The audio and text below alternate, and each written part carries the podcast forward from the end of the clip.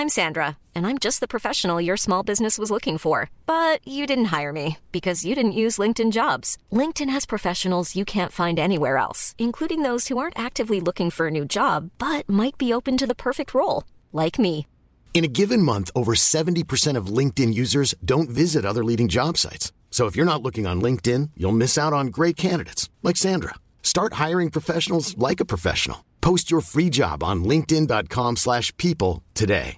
This is Paige, the co-host of Giggly Squad, and I want to tell you about a company that I've been loving, Olive and June. Olive and June gives you everything that you need for a salon quality manicure in one box. And if you break it down, it really comes out to $2 a manicure, which is absolutely insane. It's also so easy to get salon worthy nails at home with Olive and June. The difference between how your nails used to look when you did them yourself and now with the Manny system is a complete game changer. The best thing about Olive and June too is it's a quick dry. Dries in about one minute, lasts for five days, and full coverage in up to one to two coats. Visit oliveandjune.com slash perfectmanny20 for 20% off your first system. That's oliveandjune.com slash perfectmanny20 for 20% off your first system.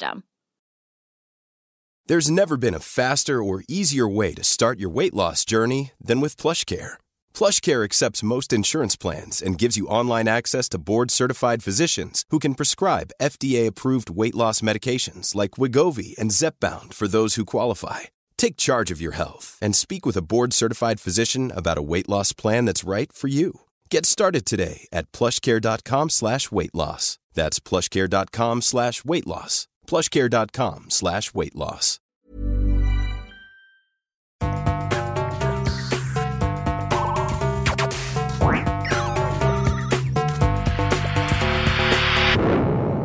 Velkommen til Sinnsyn. Jeg heter Sondre Risom Livre, er psykolog, og dette er Webpsykologens podkast. Hverdagspsykologi for fagfolk og folk flest.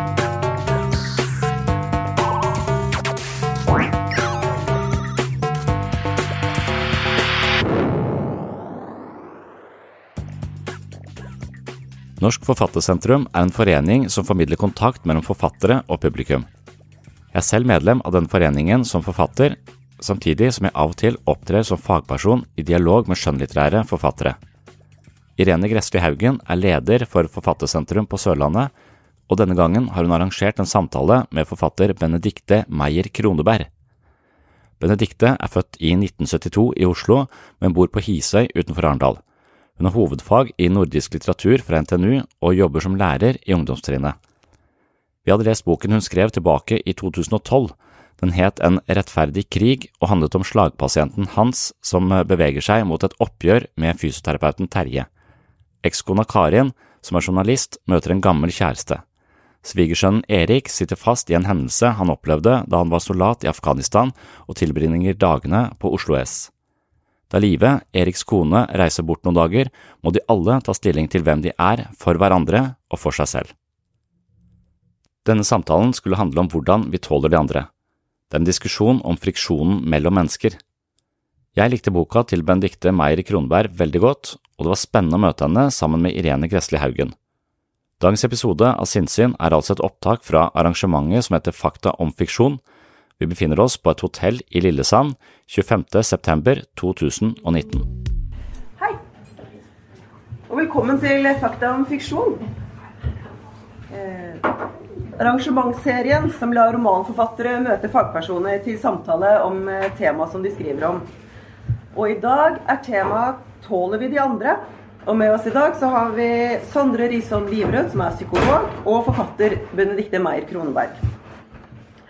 Helt siden hun debuterte i 2010, har Benedictes forfatterskap kretset om relasjoner mennesker imellom. Hvem vi er for hverandre, og hvem vi er for oss selv. Det undersøkes, gjerne parallelt med at uh, politiske spørsmål belyses. I en rettferdig krig, som er boken vi skal lese eller snakke om i kveld, uh, så, så, gjør du òg det til en viss grad, for selve tittelen er jo nesten et politisk statement i seg selv. Finnes det en sånn ting som en rettferdig krig? Og mens landet vårt eh, kriger på andre kontinent, fører hver og en av karakterene en daglig kamp for nærhet, for trygghet, for verdighet og for å holde hodet over vannet. Slagpasienten hans beveger seg mot et oppgjør med fysioterapeuten Terje. Ekskona til Hans, Karin, som er journalist, møter en gammel kjæreste. Svigersønnen, Erik, sitter fast i en hendelse han opplevde da han var soldat i Afghanistan, og tilbringer dagene på Oslo S i stedet for å gå på jobb. Da Live, kona til Erik, reiser bort noen dager, så må de alle ta stilling til hvem de er for hverandre, og hvem de er for seg selv. Så Sondre, som psykolog, da du leste denne boken, hva tenkte du? Nei, jeg likte boka veldig godt. Eh, det var mange skjebner der. Jeg, eh, jeg tenkte kanskje mest på eh, Jeg hang meg opp i Hver karakter har jo sine utfordringer. Men det å være en slagpasient har ikke jeg tenkt så mye på. Men det er en situasjon som, som jeg tenkte var særdeles vond å, å, være i. Altså at han ikke får uttrykt seg i det hele tatt. Og han, han er den karakteren som også har disse family values, føler jeg. Han er sånn, sånn han, han, ønsker nærhet, han gjør ting for familien. Og så har han hatt en kone som virker som har vært mer distansert og ikke føler dette vi-et på samme måte, og som hele tiden er opptatt av jobb og ting litt utenfor. Så han har liksom aldri klart å oppnå den tilhørigheten og den gruppa som han, han ønska. Og nå får han ikke sagt noe, og nå har han blitt en byrde. Eh, som han føler det. Og det, og det ikke får uttrykt seg, altså verken i kroppsspråk eller kun med at han, han slår med den ene hånda, det virker jo helt eh, forferdelig. Og det er spørsmålet hvordan ville jeg forholdt meg til en sånn, eh, sånn person. Det, det, var det egentlig jeg satt og tenkte mest på hvis jeg hadde møtt et, et menneske som er så hjelpeløst. Hvordan ville jeg selv klart å forstå det, eller forholde meg til det? Altså, for, for det, mentaliseringsevne er hvor endelig har til å på en måte forstå vår egen investering i en relasjon, og hvordan andre mennesker har det på innsiden. Og det å forstå et menneske Veldig ofte så har vi fasader, så vi vet ikke hva som foregår inni andre mennesker. Vi prøver å skjule det som egentlig foregår inni oss. Men på en eller annen måte så er det en psykologisk egenskap. Du kan kode litt hvordan andre mennesker egentlig har det.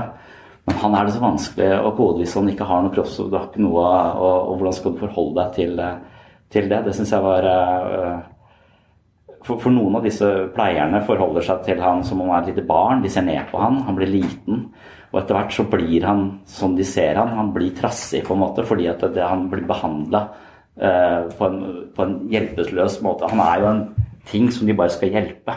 Uh, og, og, han mister liksom sin uh, han mister sin mulighet til å være en voksen, uh, myndig person. Og det syns jeg var, uh, var sårt. Det er veldig sensitiv forskjell, føler jeg. At uh, det, også, det å se på andre mennesker som syke, f.eks., eller, eller se på de som jeg, jeg, opplever det selv. Noen, noen ganger så har du venner som Hvis jeg klager på at jeg syns livet mitt er slitsomt, for jeg har tre barn og det er et helvetes kaos, på en måte Hvis de da bare Hvis de møter meg med Ja, faen, det skjønner jeg, altså, vi stikker og tar en øl. Hvis de møter meg der, så, så gjør de meg Da er jeg voksen, og den personen er voksen. Mens den personen begynner å gi meg råd om hvordan jeg skal være en god pappa, så gjør den meg til en liten en case og jeg har mista det, da, det skjer en, det en, asymmetri i den relasjonen som gjør at de, sånne mennesker kan ikke ha nært på meg. Jeg, orker ikke den asymmetrien. De må, de må, møte meg der jeg er, på en måte, og ikke ta posene min. De skal ikke hjelpe meg.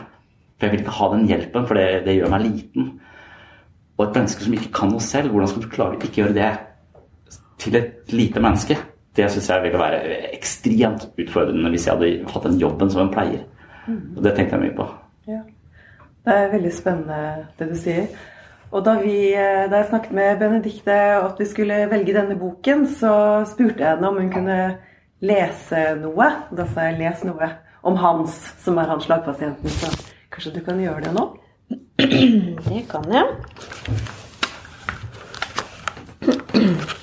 Da er det eh, en situasjon hvor Hans er sammen med eh, fysioterapeuten Terje som eh, behandler han sånn som du beskriver, da. Som en ting, kanskje? Eller? Sånn, sier Terje idet de kommer inn i behandlingsrommet. I dag skal du få litt massasjebehandling. Terje begynner å kle av ham på overkroppen. Det er en jobb, det også. Og etterpå skal skjorten, skjorta og genseren på igjen. Han triller stolen helt bort til benken, som er senket ned til laveste nivå, legger en pute klar foran han og ber han om å lene seg fram mot benken. Så hjelper han ham med å legge den gode armen opp på benken, slik at han kan hvile puten mot den, pannen mot den og puta, og nå kan han begynne på ryggen hans. Hendene hans er kjølige, og det er vondt det han gjør i dag. Nakken er vond, ryggen er vond. Musklene blir stive av å være så mye i ro, vonde og fulle av knuter. Terje sier ingenting mens han jobber med han, og først slapper han av under behandlingen, og det er greit at det er stille. Men etter hvert går stillheten han på nervene. Kanskje er kontrasten så stor til det som faktisk skjer med ham. At Terjes hender ligger på hans rygg, hans nakne rygg, at han jobber og knar hans muskler. At han klemmer og banker i ham som om han var et stort stykke kjøtt som skulle mørnes og ikke noe mer. Ikke kan han si noe heller. Hadde han kunnet, ville han gjort det. Nå kjenner han det at han skulle sagt noe. Han har ikke vært den typen. Det er sjelden han har sagt ifra. Konfliktsky har noen kalt han en gang, og det er ikke langt fra sannheten. Men nå skulle han sagt noe. Han sitter her. Hendene til Terje er på ryggen hans med faste, tunge bevegelser. Oppover og nedover ryggraden, oppover og nedover. Så bretter han ned bukselinningen for å komme bedre til, trekker buksa og underbuksa ned til midt på baken på ham, og fremdeles sier han ingenting. Berøringen der, helt nederst på korsryggen, øverst på baken, hendene hans der. Han gjør bare jobben sin. Hans vet det, han prøver å roe seg med det, men det hjelper ikke. Terje kunne sagt noe nå. Ikke bare stått sånn bøyd over han, så nær han at han kan høre pusten hans, og likevel så må man ikke enser at hans er der. Så må han ha strammet musklene for stillheten blir brutt. Du må prøve å slappe av når du sitter her, sier Terje og fortsetter. Men slappe av gjør han ikke, snarere tvert om, musklene hans trekker seg sammen under hendene på ham. Hans, strek, han strekker den sammen, den han kan trekke sammen, den man har kontroll over. Slapp av, sier Terje igjen, og det er en kommando. Den kommer som det, selv om tonefallet er rolig. Men han har ingen planer om å gjøre som han sier. Han fortsetter å stramme. Nakken, ryggen, armen og det gode beinet strammer så mye det lar seg gjøre, og inni seg kjenner han at det dirrer. Hva gjør du nå, sier Terje, du må slappe av i musklene for å få effekt av massasjen. Han kan jo ikke svare, det tenker ikke Terje på. Han løfter hendene av ham, og da slapper han av igjen. Det er tungt å holde dem stramme. Sånn ja, sier han, du må slappe av, det er viktig. Men idet han legger hendene på hans igjen, gjør han det på ny, trekker musklene sammen, blir stram, så stram som han kan med denne skrøpelige kroppen. Nei, sier Terje, det er irritasjon i stemmen hans nå, utålmodighet. Hva er det nå, da, du strammer deg igjen? Hendene til Terje fortsetter likevel over ryggen hans, oppover, nedover. Han prøver å gjennomføre massasjen selv med dette under seg. Så fort Terje løfter hendene, slapper han av. Om Terje ser det, sier han ingenting. Selv om han må ha skjønt at han gjør det med vilje. Men det gjør ikke Hans noe, snarere tvert imot. Det er som om, det, det er som om en stille flamme brenner der inne. Terje slipper plutselig tak i kroppen hans og går et skritt ut fra benken. Du vil visst ikke ha behandling i dag, sier han. Stemmen hans er skarp. Han sier ingen tegn til han. Han har jo fremdeles ikke spurt skikkelig. Og han vil jo bare at Terje skal spørre om han vil trene eller få behandling sånn som i dag. For selv om han ikke skulle ønske at det var sånn, så er det tross alt hans kropp. Det er ikke så mye forlangt, og hadde han kunnet si det, kan det vel være han hadde forstått og gjort som han sa, men når han ikke kan si noe, så får han vise. For det er noe nå. Han har bestemt seg for noe plutselig. Noe han ikke har navnet på. Noe han ikke kjenner omfanget av ennå. Derfor gir han ikke Terje et tegn om at han har rett, at han ikke vil ha behandling. For det er jo ikke riktig. Han vil gjerne ha behandling, men han skal spørre først.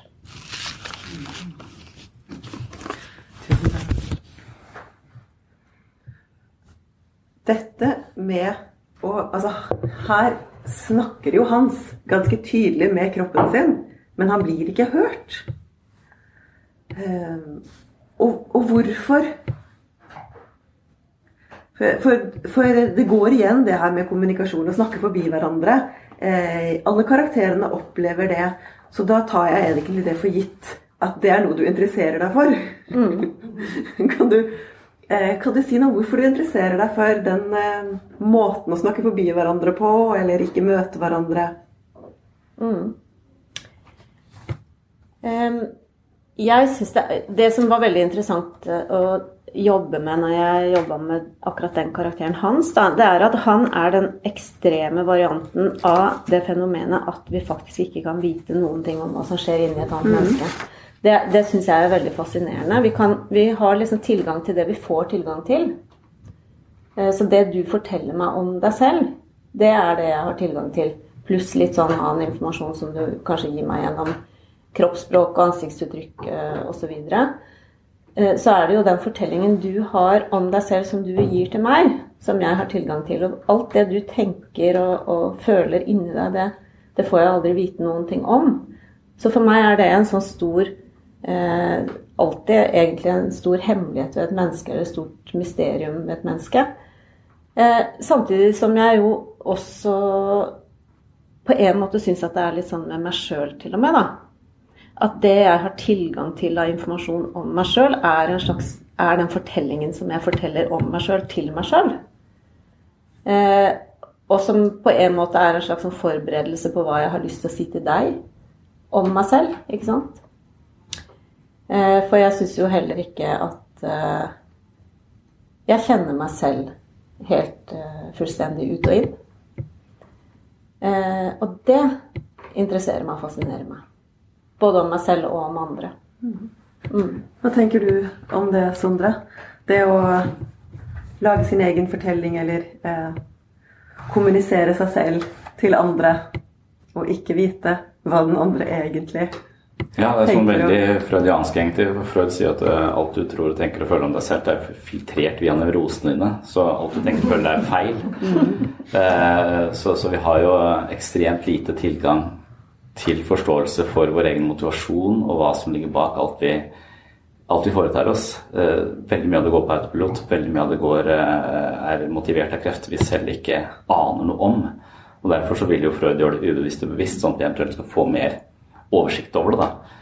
Eh, så, så det er jo et sånn absolutt, ja, det er et sånn fremmedpsykiske problem. Vi kan ikke vite hva som foregår inni andre mennesker, men vi kan, kan, ikke vite hva som foregår i oss selv. Så det er en ekstrem form for ensomhet eh, her. Men så, så, tenker jeg kanskje at det å være mest mulig oppriktig, det å snakke forbi hverandre, sånn som de gjør, de spiller spill, kanskje games people play litt, at de, de ønsker noe, de, eh, men de vet ikke hvordan de skal be om det. Eh, og så går de omveier for å eventuelt prøve å få det, men så får de det ikke, og så blir de skuffa.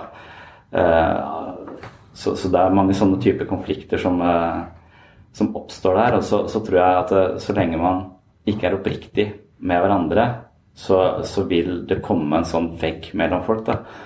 Og den veggen den er det mellom alle disse karakterene på en eller annen måte. Ekstremtilfeller med han slagpasienten, altså med hans. Men, men det, det, skjer med de andre også. Jeg tror blant annet Det er noen som sier at hvis du, hvis du går rundt og er litt irritert på noen, og bare biter i deg, og så ikke orker for at det da blir så mye styr mm. så, så, hvis du aldri sier fra om den type ting, så kan du heller aldri elske den personen.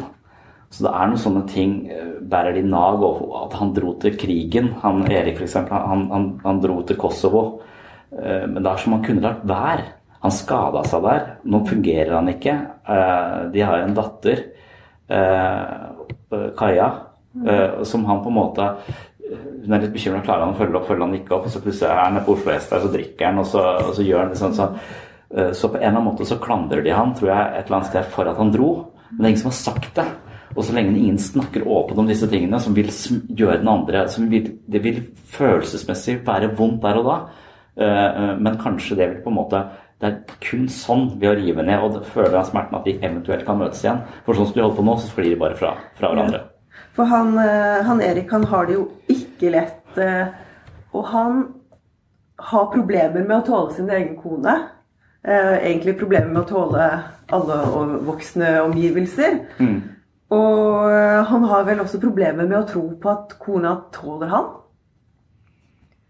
I hvert fall sånn leser jeg det. Er du enig med meg, Sondre? Ja, jeg er ikke sikker på helt jeg er sikker på akkurat hva han uh, sliter med. Sånn PTSD-aktige greier. Men, men, han er jo Begge de to mennene i denne fortellingen virker jo litt sånn de er fratatt noe. De, er, de har jo fått en skade. Eh, litt sånn mer eller mindre uforskyldt. Så, så de, de, de, og at de er litt eh, bitre og forbanna over det, eh, kan jo være en, en, en, årsak. Men den samme eh, situasjonen er veldig mange mennesker i at de syns andre eh, jeg møter hver dag mennesker som syns at foreldremøter er belastende. Eller å gå på en fotballtrening. Eller det å møte andre folk er bare dritslitsomt. Eh, nettopp fordi de det virker som om de hele tiden tenker at det er sånn jeg egentlig er. Sånn kan jeg i hvert fall ikke være. Så jeg må gjøre et eller annet annet. Men hva det skal være, det vet jeg ikke. De spiller alltid en eller annen sånn, sånn rolle. Så det, de mangler den oppriktigheten, den gjennomsiktigheten. Fordi de har en eller annen grunnleggende forståelse at jeg er ikke god nok for den jeg er. Og da spiller de dette skuespillet som de klarer mer eller mindre bra, og syns det er slitsomt å være sammen med, med folk. Og så liker jo ikke folk skuespillere, egentlig. Så dette er en gedigen misforståelse som alle går rundt og gjør hele tida. Og det er litt merkverdig at vi, at vi, driver på med det. For det første er det slitsomt for oss sjøl, og for andre så merker du merker når du snakker med en plastikkperson. En person som bare sier ting fordi det er riktig å si i denne uh, situasjonen. Og, og, og, det blir sånne samtaler som du må da Det er jo sånn samtaler som du kan De som er gode på smalltalk, kan ta det på autopilot. Uh, og så kan du, mens de tenker på noe annet, kanskje. Nesten. Og det Men Erik har jo også sånne fysiske reaksjoner. At han blir så forferdelig, forferdelig varm og uh, hvordan, eh, hvorfor, hvorfor lot man ha det sånn i kroppen sin? Nei, um, altså jeg har tenkt før vi, før vi, skulle snakke sammen i dag, så har jeg tenkt litt på dette eh, det begrepet som vi skulle snakke om, da. Mm -hmm. eh, nemlig de andre. Hvem er de andre? Eh, og da Det har jeg skrevet ganske mye om i, i den nyeste boka mi som kom eh, nå i vår, som heter 'Ikke bli borte'. og så man kan tenke at de andre, det er de som er det motsatte av gruppa. Og gruppa er kanskje det som er, er et slags ideal, ikke sant? At vi tenker at uh, idealmennesket, i hvert fall sånn etter opplysningstida, det er et fornuftig vesen, et sivilisert vesen, et, et, menneske som, som følger kanskje regler og oppfører seg kontrollert. Mens den andre er en mer sånn primitiv eh, figur, da. Som eh, er følelsesstyrt og irrasjonell og uh, Ja. Og, det, og, akkurat den, den betegnelsen, eller den, det begrepet, har blitt misbrukt ikke sant, i forhold til f.eks. For jødeforfølgelse, eller uten å merke andre grupper som en sånn de andre. Og da tenkte jeg på Erik. Jeg tror egentlig eh, litt at han er Den han tåler aller dårligst, det er eh, seg sjøl. Mm. Eh, fordi at han opplever at eh, det har skjedd noe med han etter at han kom hjem fra Afghanistan. Eh, hvor han opplever at han ikke selv lenger har kontroll eh, over seg sjøl. Han er ikke oppfører seg ikke sånn som han tenker er idealet. Mm. Eh, som, en, som, et bilde han har av den, den, han hadde tenkt å være som mann. Eh, fornuftstyrt, kanskje, og oppføre seg ordentlig og være et forbilde for eh, datteren sin og være en god ektemann for kona si. Han, han, får det ikke til, rett og slett. Han velger jo på en måte nesten den dummeste veien da, å begynne å spille skuespill. fordi jeg, jeg, Han frustrerer meg. Mm. Altså, Kunne du ikke satt deg ned? Du kunne ikke liksom, tatt det som en mann og fortalt 'sånn har jeg det'.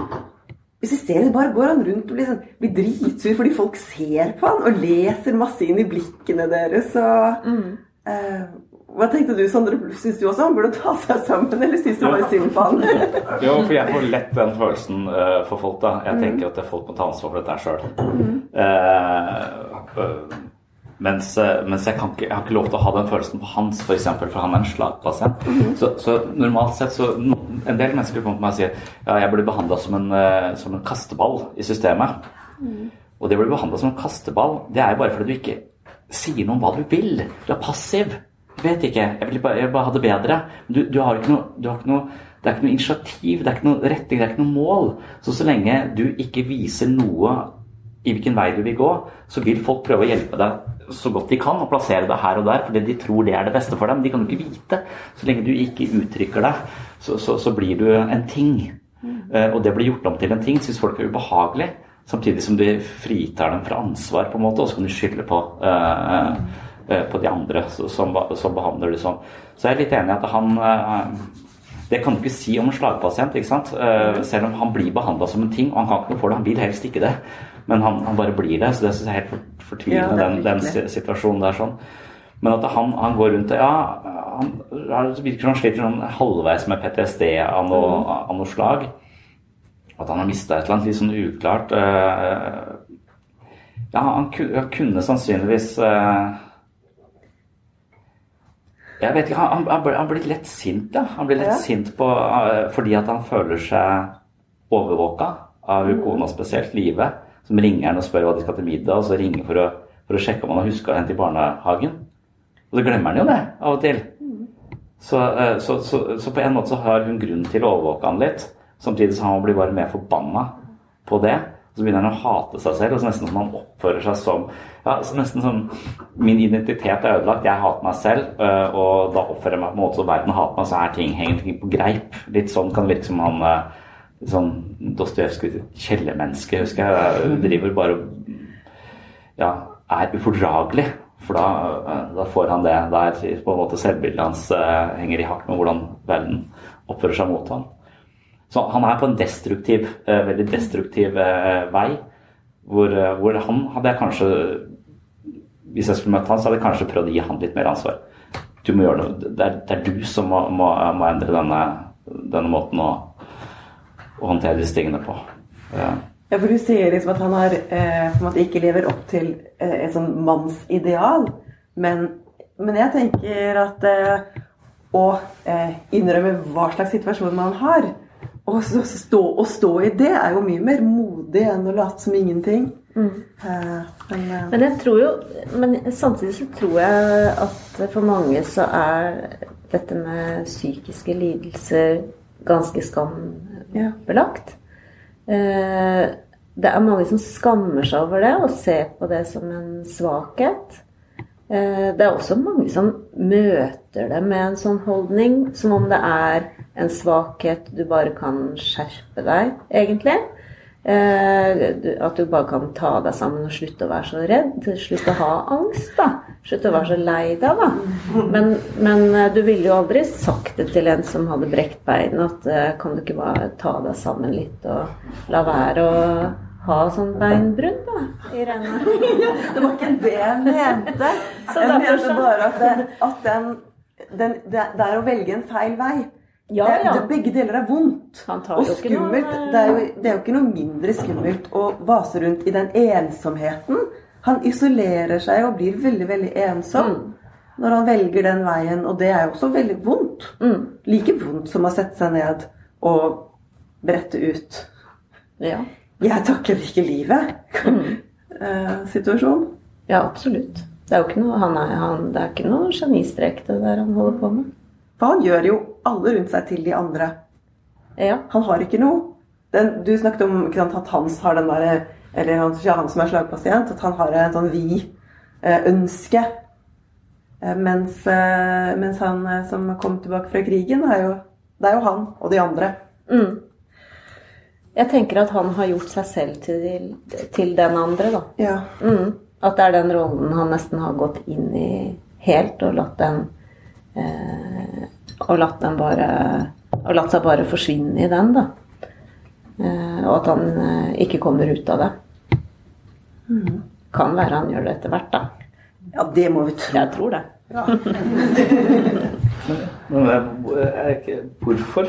Eller han, han, du tenker han er traumatisert etter den der bomba i den bilen som var, var foran han? Mm. Og så har han fått noen fysiske skavanker også. Mm. Han får ikke sove. Mm. Uh, det, det, er disse Det er mest jeg tror det, det, ja, at det er de, liksom, han plages av mareritt, han har dårlig søvn, og så ja. blir han veldig utslitt av det. Og så, ja. eh, og så, har han en sånn nagende følelse at han har en skyld i, i det som skjedde. Og så, så det, så, det, er liksom en sånn helhet eh, med det som skjedde, at han ikke klarer å slippe tak i det. da. Mm. Eh, og at han gjerne skulle ønske å kunne slippe tak i det. At det er noe som er tilbakelagt, men at det, men at det stadig dukker opp og plager ham både i drømme og i våken tilstand. Eh, og så Ja, så blir det på en måte liksom greit å skylde på den fysiske skaden han har fått.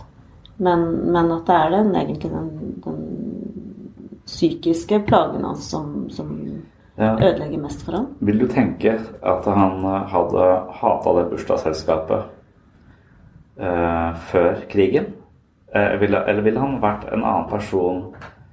For han går, han går med Kaja til et bursdagsselskap hvor han glemmer en gave, og så istedenfor å sette seg inn med de voksne og spise pølse eller drikke kaffe, så setter han seg ute med barna, for han orker ikke eller han, Det er, uklart hvorfor han ikke vil. Han vil bare ikke inn og snakke med Eh, og så sier han til kona jeg syns det er så jævlig hyggelig å møte folk, så får bare gå, du gå i de der bursdagene. Jeg syns ikke jeg er hyggelig å møte folk. Jeg vil ikke det. Eh, eh, og det er ikke en helt uvanlig følelse, tror jeg, hos, hos folk i barnebursdag. Eh, så, så det kunne jo tenkes at han hadde hatt den eh, før, eh, eh, før også. Men, eh, Jeg, jeg tror nok eh, Altså, det er jo veldig vanskelig å si, for altså, dette er jo en romankarakter, så han begynner jo den dagen boka begynner. Eh, på en måte. Selv om, eh, selv om han jo har en fortid. Men jeg ser liksom for meg at det er et før og et etter, da. mm, Mm. ja. Et før og et etter det som har skjedd. Vi går videre til, flere, til Det er masse personer i denne boken. Og masse konflikt og masse feilslått kommunikasjon. Eh, Det er en mor- og datterrelasjon her som er ganske komplisert. Eh, Og jeg eh, syns det er forferdelig, forferdelig trist, den relasjonen. For det virker som om mor ikke tåler at datteren er et annet menneske.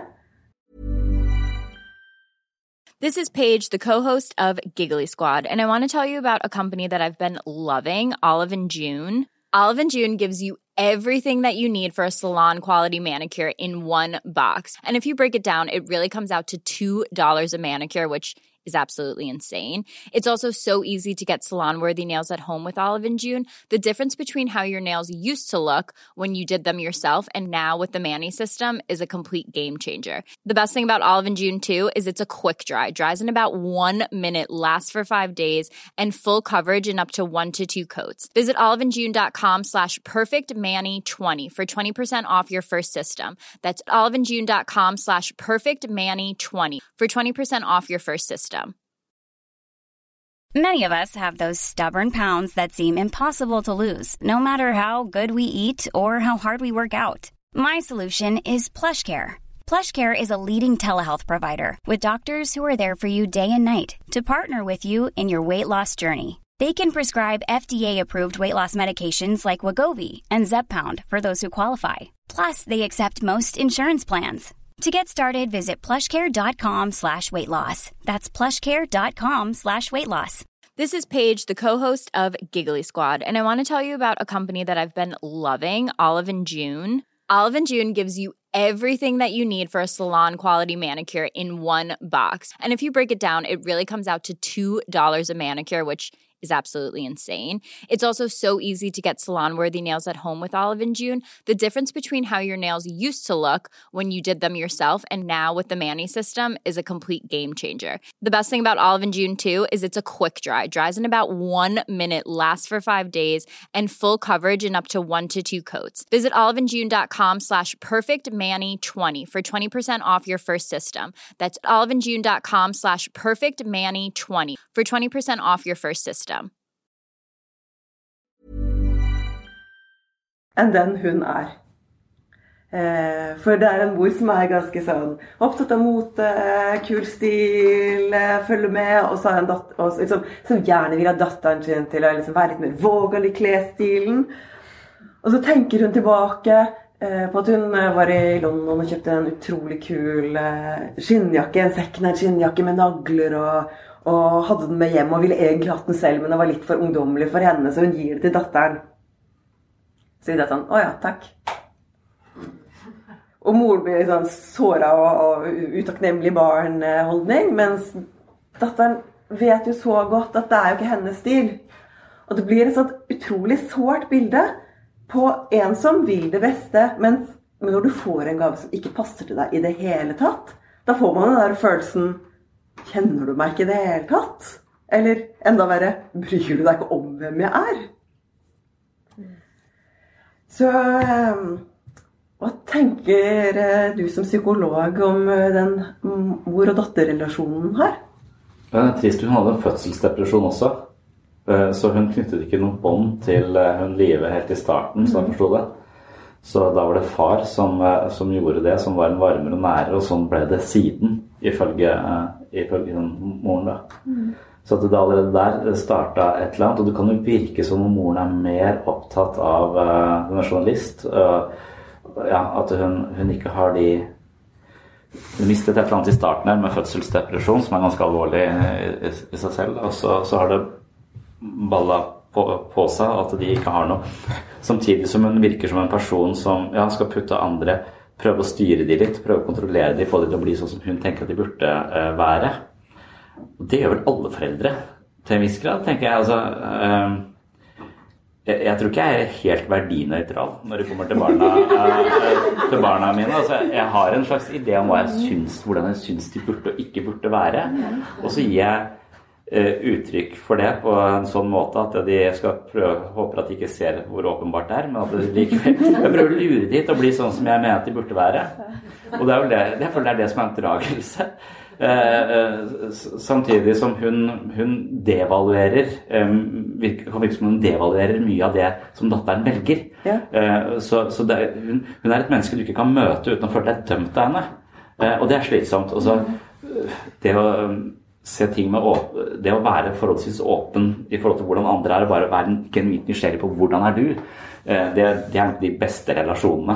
De relasjonene som hele tiden er sånn du burde være sånn, du burde være sånn, du burde være sånn, de er nok ikke spesielt gode. Så tenker jeg at sånn er jo eh, foreldre-barn-relasjon. Du burde være sånn, du burde ikke gjøre sånn, du burde gjøre sånn. Altså, Ja, men det så går jo en grense da Ja, ja, å oppdra Ja. og å godta at du finnes som et eget menneske. Ja, jeg vet. For det, Ja. Den grensa bør man på en måte respektere, da. Mhm.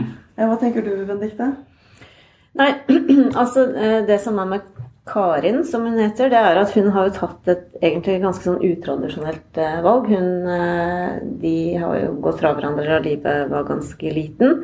Og det var hun som flytta, og det er hun som har vært helgemamma istedenfor helgepappa, som på en måte var det vanlige. Det er jo ikke så vanlig nå lenger, men sånn da de ble skilt, på, kanskje på 80-tallet, så, så var jo det å, å dele på den måten at pappa har helger og mamma har uker, det var vanligere. Men her er det omvendt.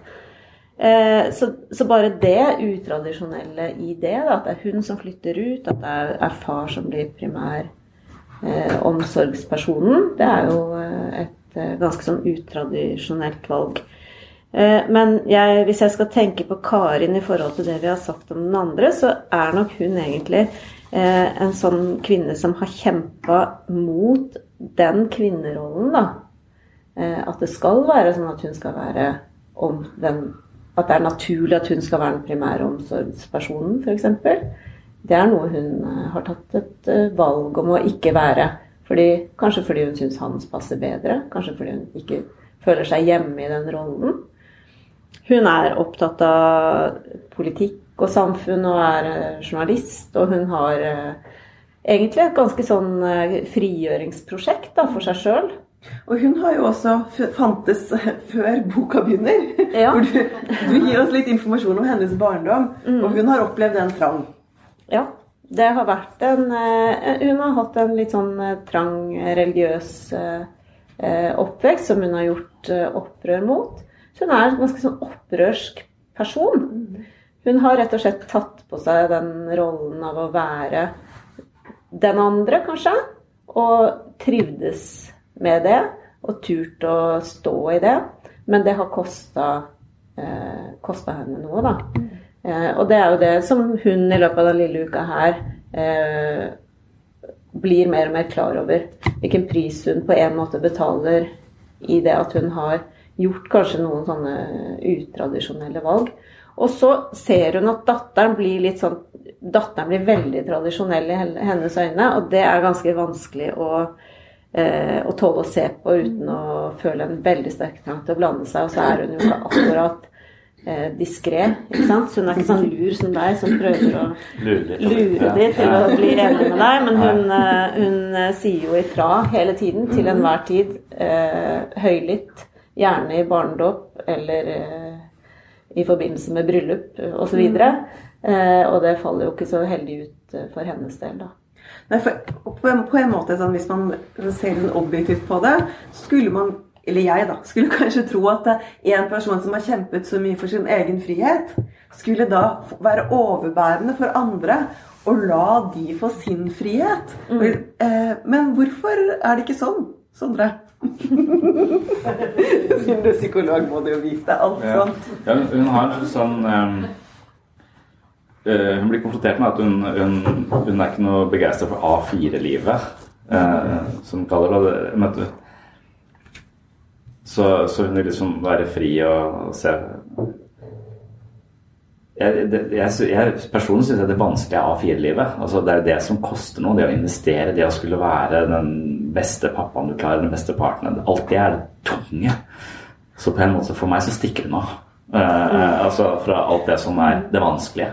Altså det å leve et A4-liv, det er det som er vanskelig. Uh, det er sikkert vanskelig på andre måter å, stikke også, men for det er kanskje i flukten fra det at det også blir ganske ille. Men, eh, men hun har mista datteren sin litt. og hun, hun, skal, hun, har hele tiden hun går på listeskor rundt datteren nå, for hun, hun ser at hun har mista henne, og hun ønsker å få henne tilbake igjen. Og det behovet er såpass eh, sterkt hos henne at hun prøver hele tiden nå. Hun prøver å lure henne på, eller hun prøver å liste seg rundt for å se om hun klarer å fange henne eh, inn igjen. Og det prosjektet ser datteren som nok et sånn manipulerings forsøk, så det skal nesten ingenting til hva hun, hva hun, sier. Så blir hun på en måte, så mister hun den kontakten. Plutselig så har den litt nærkontakt, og så, puff, så er den borte. Og det er litt sårt å, sårt å, å lese og, og, se, og så tenker jeg at jeg er redd. Det hadde vært en forferdelig situasjon å være i. Eh, men, men, men, det er akkurat som hun er litt ego, egosentrisk, da, tenker jeg. Så, så lenge du er såpass det, det å være så fanget når hun vokste opp, og, og frigjøre Det er ikke sikkert at du blir så innmari frigjørende er det, det, det, er noe veldig egosentrisk. og det gir Meg og min frihet og meg og min vilje og alt det, dette her. Så, så hun er mer opptatt av sine egne eh, maler på hvordan ting eh, burde være. Og da, da er hun dømmende. Hun er en dømmende jeg, jeg, tror hun har vært en dømmende person. Uh, og det er slitsomt å være rundt, og da mister du, mister du folk. Og hun, datteren kanskje opponerer deg med å bli helt, helt vanlig.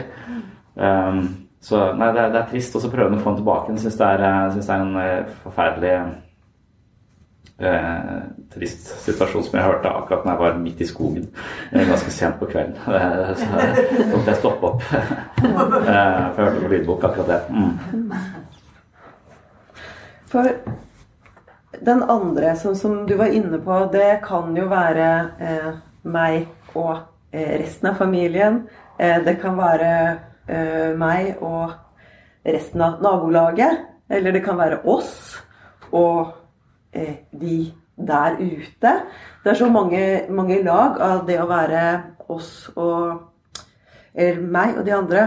Og det blir jo da ofte et samfunnsspørsmål hvordan man skal tåle å leve side om side med naboen som eh, Eh, vil bestemme hvor høy hekken skal være, og kollegaen som plystrer falskt hver gang går forbi kontoret, eller eh, andre mennesker som du har nært, som du blir konfrontert med ved kantete og rare personligheter og andre politiske meninger.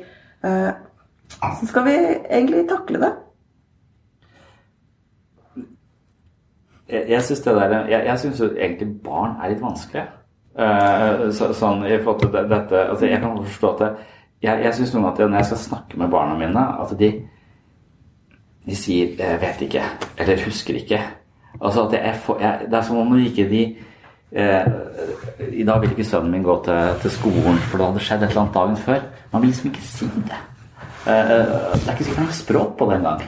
Helt akkurat hva det er. ikke sant? Så De mangler jo litt sånn som han, så mangler de alltid uttrykksevne. Noe som gjør meg litt desperat. Og, og, da må jeg tenke på nesten litt invaderende. Jeg kan bli litt invaderende hvis jeg blir desperat, for jeg bryr meg om disse folka. Uh, og, og, når jeg da ikke helt finner fram til hvem de er, de ikke klarer å uttrykke det, uh, så tror jeg kan bli litt Det er der jeg tror jeg må ha en viss impulskontroll si at nå vil de bare få lov til å være. Jeg må bare se det an. Jeg må gå og legge meg, jeg må se til i morgen. Selv om jeg kommer til å tenke på det da uh, halve natta, så, så, får jeg ikke vite det nå. Det, det må komme av seg selv. Jeg kan ikke presse det, presse det fram. Så, så, jeg, tenker at hun har vært litt for på der i denne mor-datter-relasjonen som jeg tenker mye på, for jeg har også en datter. Så det, det, ja, det, det, kan du miste, altså, hvis du blir for Hvis du ikke finner ro i deg selv til å bare akseptere at andre er der den er, og, og, kommer til deg hvis du ikke prøver å kontrollere eller fange det for mye. Liksom som kjærligheten. Hvis du prøver å fange den, så forsvinner den fra deg. Hvis du bare slipper den fri, så kommer den tilbake.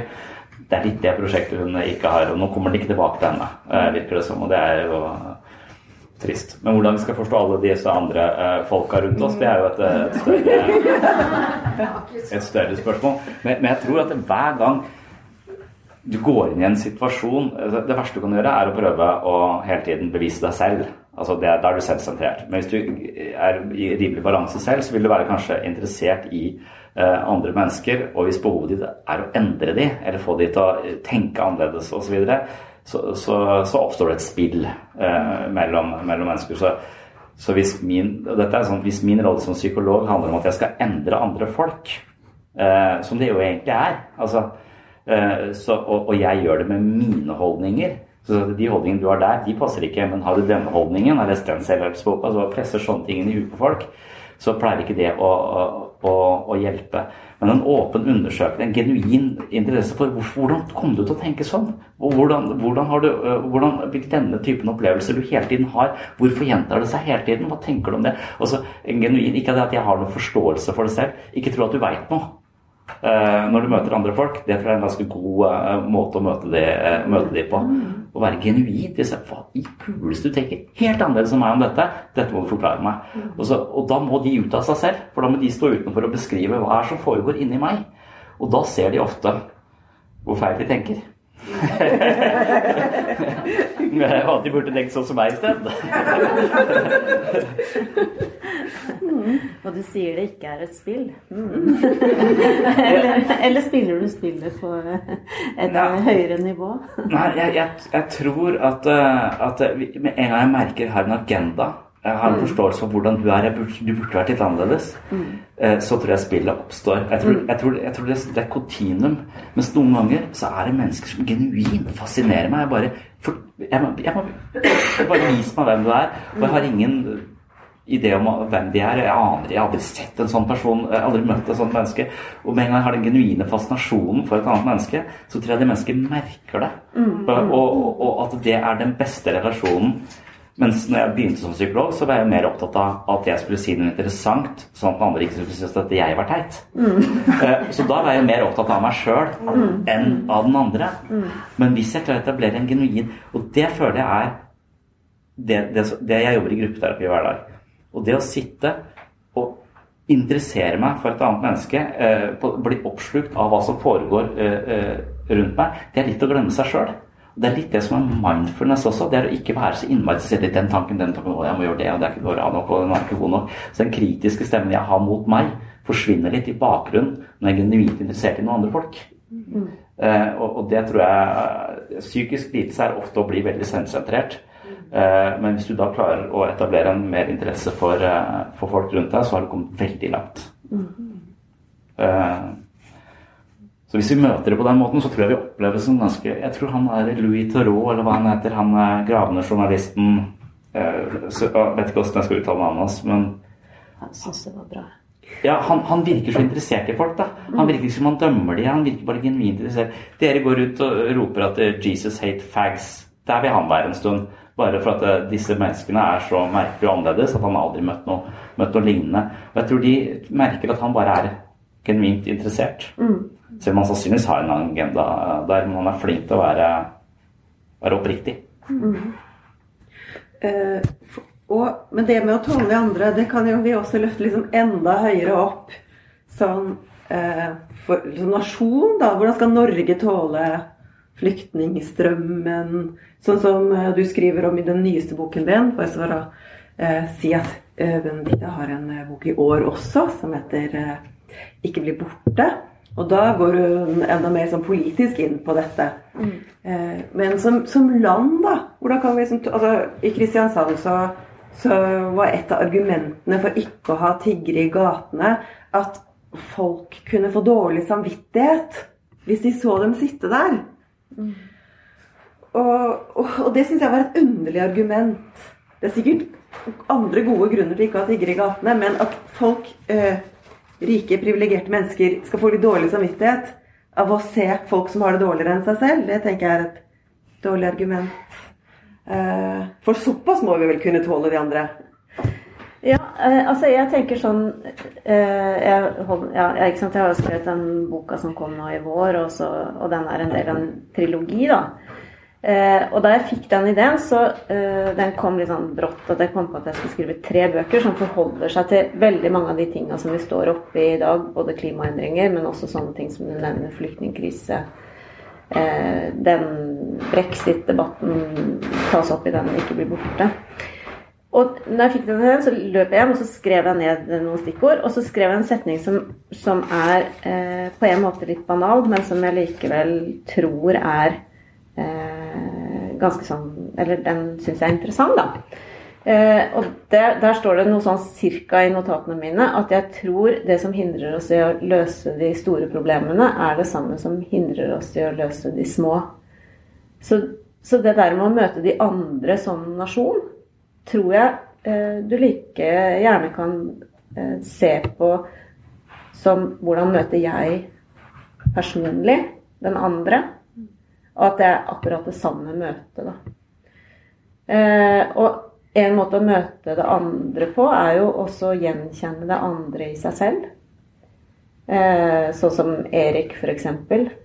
Ikke har lyst til i det hele tatt å møte den andre den irrasjonelle, den vanskelige, den som ikke har kontroll. Å gjenkjenne den i seg sjøl, det blir veldig vanskelig for ham. Eh, men jeg tror òg at hvis vi alle sammen på en måte ser at vi, eh, vi eh, har jo ikke en sånn full oversikt over oss sjøl. Hvordan kan vi da ha full oversikt over andre? ikke sant? Vi har jo ikke full kontroll over at alle våre handlinger er genuint gode, oppriktige og høflige og alle de tinga som vi setter som en sånn slags forventning til, til andre. Da. Hvordan kan, vi, hvordan kan vi ha den forventningen til dem?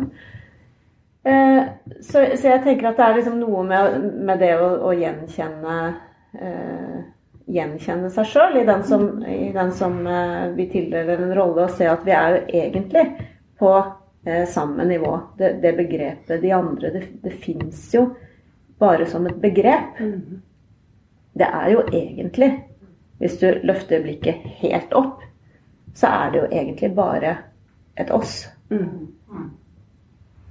Tenker jeg. Mm. Men en av de tingene som gjør Erik så aggressiv, er at han føler at andre vil noe. Krever noe. Forventer noe. Som han egentlig ikke helt eh, Som opplever ikke klarer å møte.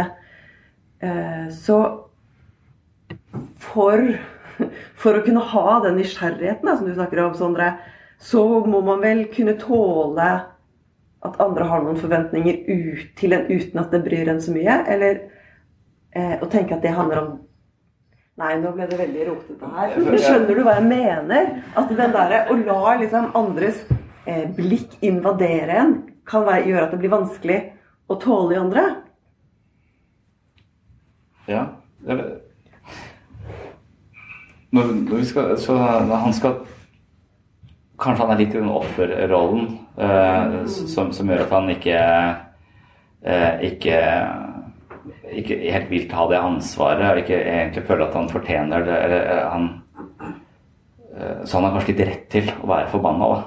Eh, og at det sprer seg litt rundt. Og at det ikke det egentlig er hans han, han har fraskrevet seg litt i ansvaret kanskje når det han definerer seg som eventuelt syk, selv om jeg ikke syns han gjør det. Jeg opplever det som sånn veldig sånn offer, offerposisjon person, for han ønsker jo genuint sett å være noe annet enn det han er, men liksom han havner litt der eh, likevel. Men altså, jeg, bare sånn for min egen del, hvis jeg er veldig stressa, så blir jo folk rundt meg sykt irriterende.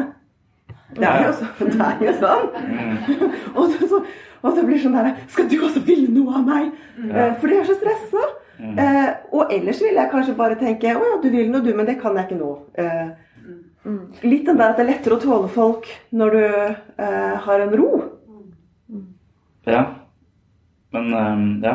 Altså, men når det gjelder å tåle grupper da, eh, mye høyere opp, og så, så, sånn identitetspolitikk og sånn som du snakket litt om her, men så, så med en gang du hever blikket og skal karakterisere noe hvis du har, opplever noen at da har du ikke lov til å si noe om en gruppe. Hvis du sier noe om en gruppe, så har du begått en eller annen sånn grov feil, i hvert fall på venstresida i, i politikken. For at det, den gruppa, da, da, ignorerer du individet. Hvis jeg skal snakke om 15 000 mennesker, så kan ikke snakke om hver enkelt, for da blir jeg aldri ferdig.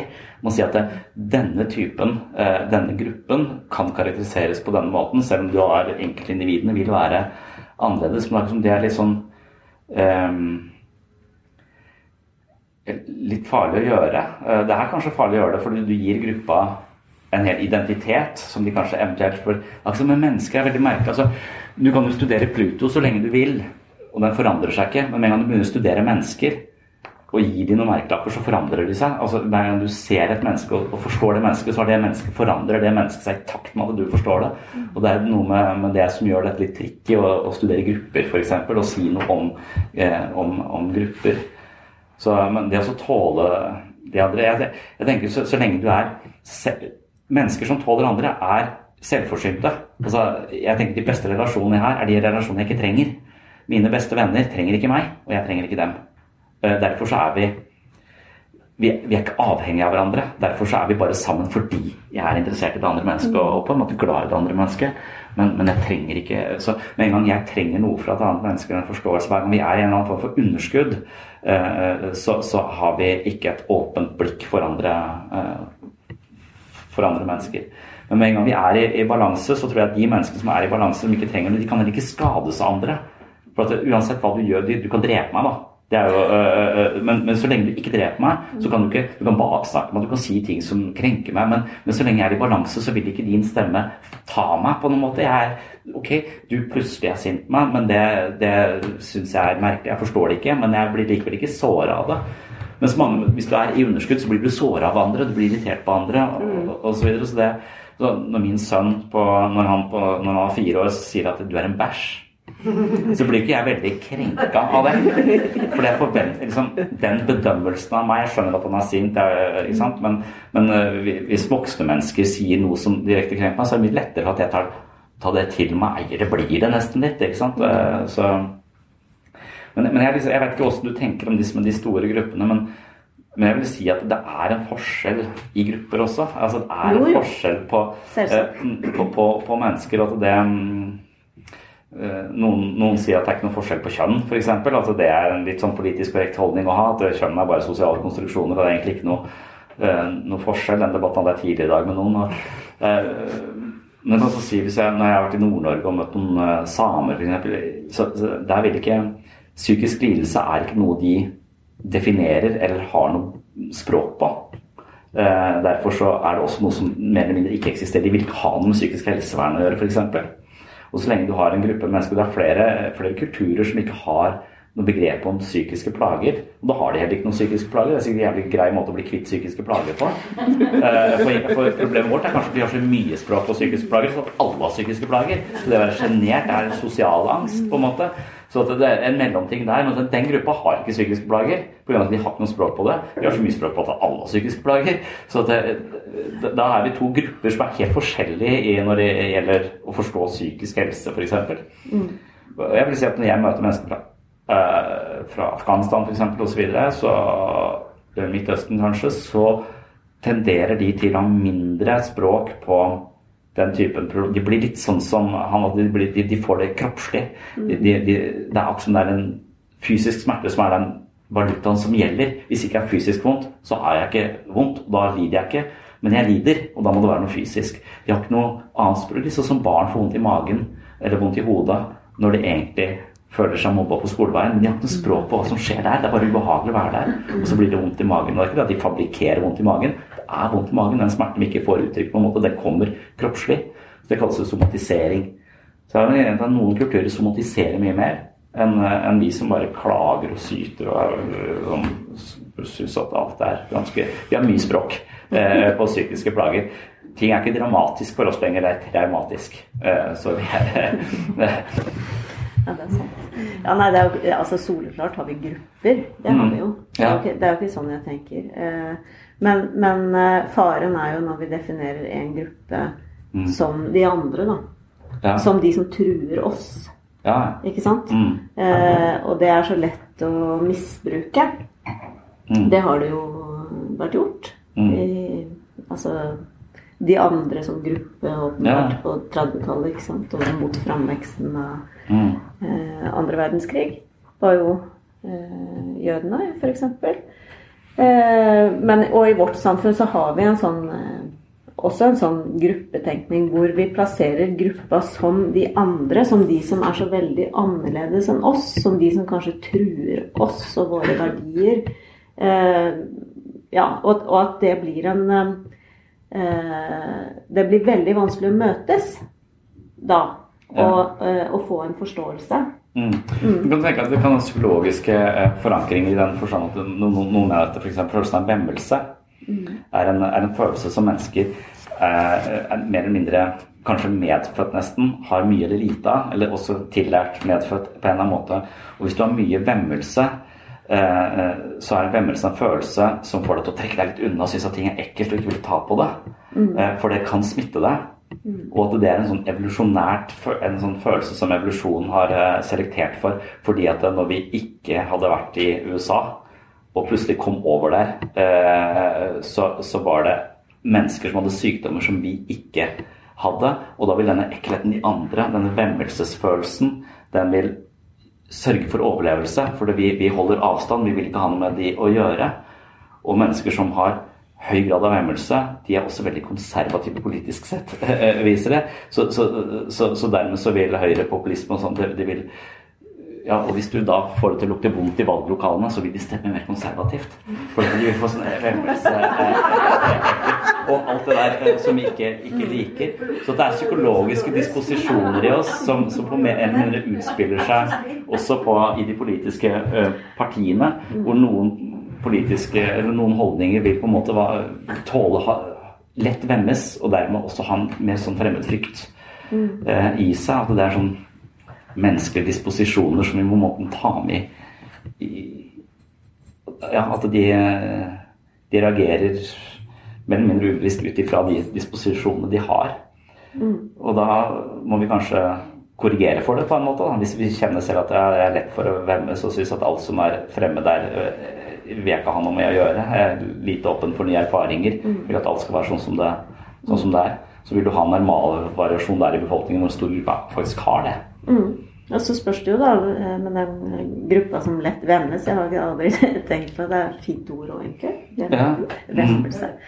Um, vemmes de lett over seg selv? Og sitt forhold til seg selv? Eh, for det er klart at eh, det er jo mange ting eh, ved en sjøl også som kan oppleves som ganske skremmende og, og vemmelig når en gjør ting en ikke hadde tenkt, f.eks.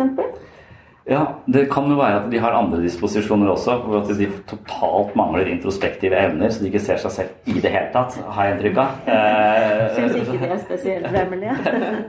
Nei, de bare syns at andre er det, så, Ja. så at de, de ikke ser. Men, eh, men eh, jeg tror også de, de beste menneskene, de som er mest sånn, de er hele tiden interessert i det. Hva er bakgrunnen for at jeg tenker sånn? Hvorfor tenker jeg sånn? Hva er, eh, så at, men de er de er ganske høyt oppe i utviklingshierarkiet. Det er ikke så mange mennesker som er så introspektive, selvransakende, utforskende, åpne. Det er ganske modne folk, på en måte, og det er ikke så innmari mange av dem. Eh, og det er litt eh, trist, for det er veldig mange flere som eh, er vanlige. Eh, Men eh, jeg tror eh, at litteraturen kan hjelpe oss til å både se litt på seg selv, og til å se litt på de andre med litt større forståelse. Nå har vi snakket i en time, så nå er det på tide å si tusen takk til Benedicte, tusen takk til Sondre, og takk til dere som kom. Eh, det har, vi får ta med oss at vi skal gjenkjenne oss selv i de andre og se på de med nysgjerrighet. Ja. Takk for i Det var gode råd.